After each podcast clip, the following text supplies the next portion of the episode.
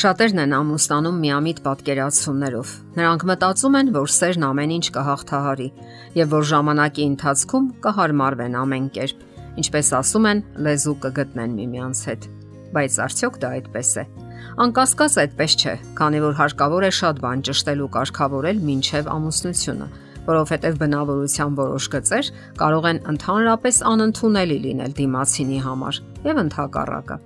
Գիտնականները ողրզել են, թե բնավորության որ գծերն են կարևոր ամուր հարաբերությունների համար։ Այդ հետազոտության հեղինակը Գերմանիայի Մանհեյմի համալսարանի հոգեբանության պրոֆեսոր Բեթարիս Ռամշտեդն է։ Իր գործընկերների հետ միասին նա 4 տարվա ընթացքում ուսումնասիրել է 7000 զույգի։ Գիտնականը պարզաբանում է, թե ինչից է կախված զույգի համակեցության երկարատևությունը կարող են արդյոք համատեղ գոյատևել երկու եսակենտրոն միմյանցից տարբեր անznավորություններ։ Եվ վերջապես մեկնաբանում է, թե ինչու հարաբերությունների համար ավելի կարևոր է կանանց բավարարվածությունը, քան տղամարդկանց։ Դժվար է կանխատեսել, թե որքան կհարատևեն կոնկրետ զույգի հարաբերությունները, քանի որ դա կախված է բազմաթիվ գործոններից, որոնք դարձյալ դժվար է կանխագուշակել։ Սակայն մեծաթիվ զույգերի հետ կատարված ուսումնասիրությունները թույլ են տալիս նկատել որոշակի օրինաչափություններ։ Պարզվել է, որ հարաբերությունները միջինում կայուն են, եթե ամուսինների մոտ համընկնում են բնավորության որոշակի գծեր։ Դրանք են պարտավորվածությունը, բարյացակամությունը, նոր փորձառությունների առաջ բաց լինելը։ Կիրառելով այս ամենը գործնական կյանքում կարելի է այսպիսի օրինակ բերել։ Եթե օրինակ ամուսիններով երկուսն էլ սիրում են սենյակով մեկ շախ տալ իրենց գուլպաները, ապա դա լավ է։ Սա պարտավորվածության ցածր մակարդակ է, սակայն լավ է, որ միասին են անում։ Իսկ ահա եթե կողմերից մեկն է դա անում, իրավիճակը կարող է վիճաբանության առիթ հանդիսանալ։ Ճիշտ նույն ձևով կողմերը կարող են տարբեր կարծիքներ ունենալ, ասենք նոր բաների առումով։ Մեկը սիրում է մշտապես գնալ նույն ռեստորանը, մյուսը սիրում է ժամանակ առ ժամանակ թարմացնել թե ռեստորանների ցանկը, թե ճաշատեսակների։ Եվ այս դեպքում միշտ էլ կլինեն տարակարծություններ ու վեճեր, քանի որ կողմերից մեկը միշտ դժգոհ կմնա։ Գուցե զարմանալի թվա, սակայն ուսումնասիրությունները տարօրինակ վիճակ են արցանագրում։ Երկու բռնկուն ամուսինները կարող են ապրել համաձայնության մեջ։ Վիճաբանություններն ավելի շուտ հայտնվում են այն ժամանակ, երբ կողմերից մեկը առավել զիջող ու փափուկ է եւ ավելի շատ կարիք ունի ներդաշնակության, իսկ մյուս կողմը չի կիսում նրա ձգտումները։ Այդպիսի դեպքերում հարաբերություններն անկայուն են եւ ոչ սիմետրիկ։ Իսկ երբ բնավորության այլ գծեր համընկնում են, այստեղ հնարավոր են տարբեր կոմբինացիաներ։ Երկու երանդուն անznավորություն կարող են հիանալի գոյատևել, սակայն կարող են նաև մրցակցել։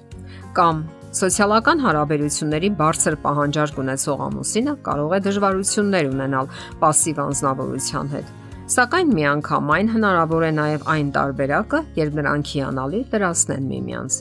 Ասենք մեկը սիրում է խոսել, մյուսը լսել։ Դե հիանալի զույգ է, այդպես չէ արդյոք։ Երկուսն էլ գոհ են իրենց կյանքից։ Հետաքրքիր է, որ ուսումնասիրության ժամանակ չի նկատվել, որ հուզականորեն անկայուն զույգերը կամ այսպես կոչված նևրոտիկները առանձնակի դժվարություններ ունենան հարաբերությունների ժամանակ։ Երբ երկուսն էլ տագնապահար են եւ անհանգիստ, հարաբերությունները գնում են միևնույն հունով եւ երկուսին էլ դուր է գալիս կենսակերպի նմանությունը։ Կարելի է նաև ենթադրել, որ երբ երկու կողմերից մեկը հուզականորեն ավելի կայուն է, դա մյուսի համար լուրջ սատարում է եւ արժեքավոր ներդրում։ Եվ այդ դեպքում նրանք երկուսն էլ լավ են զգում իրենց դերերում։ Սակայն վերջերս կատարված հետազոտությունները ցույց են տվել, որ կնոջ հուզական կայունությունը վճռորոշ դեր է խաղում հարաբերություններում Որքան հուզականորեն կայուն է կինը, այնքան ավելի շատ է նա բավարարված հարաբերություններից։ Կանացի հաստափությունը հարաբերություններից ավելի հաճախ է հանգեցնում ամուսնալուծությունների, քան տղամարդկայինը։ Իսկ արդյոք զույգը ժամանակի ընթացքում նմանվում է միմյանց։ Վերոհիշյալ հեղինակների 4 տարի տևած հետազոտությունները ցույց են տալիս, որ նման բան տեղի չի ունենում։ Սակայն ամուսնալուծված զույգերի դեպքում նկատվել է, որ նրանց միջև շատ են տարբերությունները բնավորության հիմնական գծերի առումով։ Իսկ ընդհանուր առմամբ նրանց այդ գծերը ինքնին հիմնականում բավականին կայուն ու հաստատուն են եղել։ Դժվար է ասել, թե որտեղ է պատճառը եւ որտեղ է հետևանքը։ Արդյոք զույգերը բաժանվում են այն պատճառով, որ աճում է բնավորության անհամապատասխանությունը կամ անհամատեղելիությունը թե նրանց բնավորություններն են սկսում ավելի ու ավելի տարբերվել, որովհետև իրենք բաժանվել են։ Գիտնականները հակված են մտածելու, որ ճիշտը երկրորդ վարկածն է, ինչը սակայն դեռապացուցման կարիք ունի։ Իսկ ո՞րն է ելքը։ Ամեն ինչ սկսում է ամենասկզբից։ Նախքան ամուսնական որոշում կայացնելը, հարկավոր է ճանաչել միմյանց եւ երբեք չշտապել։ Եղեք բաց եւ ստեղծագործ անznավորություն, Հիմնական բացասական գործոններից մեկը, որ արկա է հարաբերություններում, դա նորի հանդեպ թերահավատությունն է եւ կասկածամտությունը։ Եղեք նորարար, եղեք ստեղծագործ, բաց ու անկեղծ ձեր հարաբերություններում, պատրաստ գնալու փոխադարձ զիջումների եւ ըմբռնման։ Աստծո համար տեղ թողեք ձեր կյանքում։ Ձեր կողակիցը շատ բան կարող է անել ձեզ համար, եթե ոչ ամեն ինչ։ Ու նաև երբեք մի մտածեք ամուսնալուծության մասին, Դե իսկ բնավորությունը հավերժ հաստատված ու կարծրացած երևույթ չէ։ Այն միշտ էլ կարելի է փոխել, եթե դուք ցանկանաք։ Եթերում ընտանիք հաղորդաշարներ։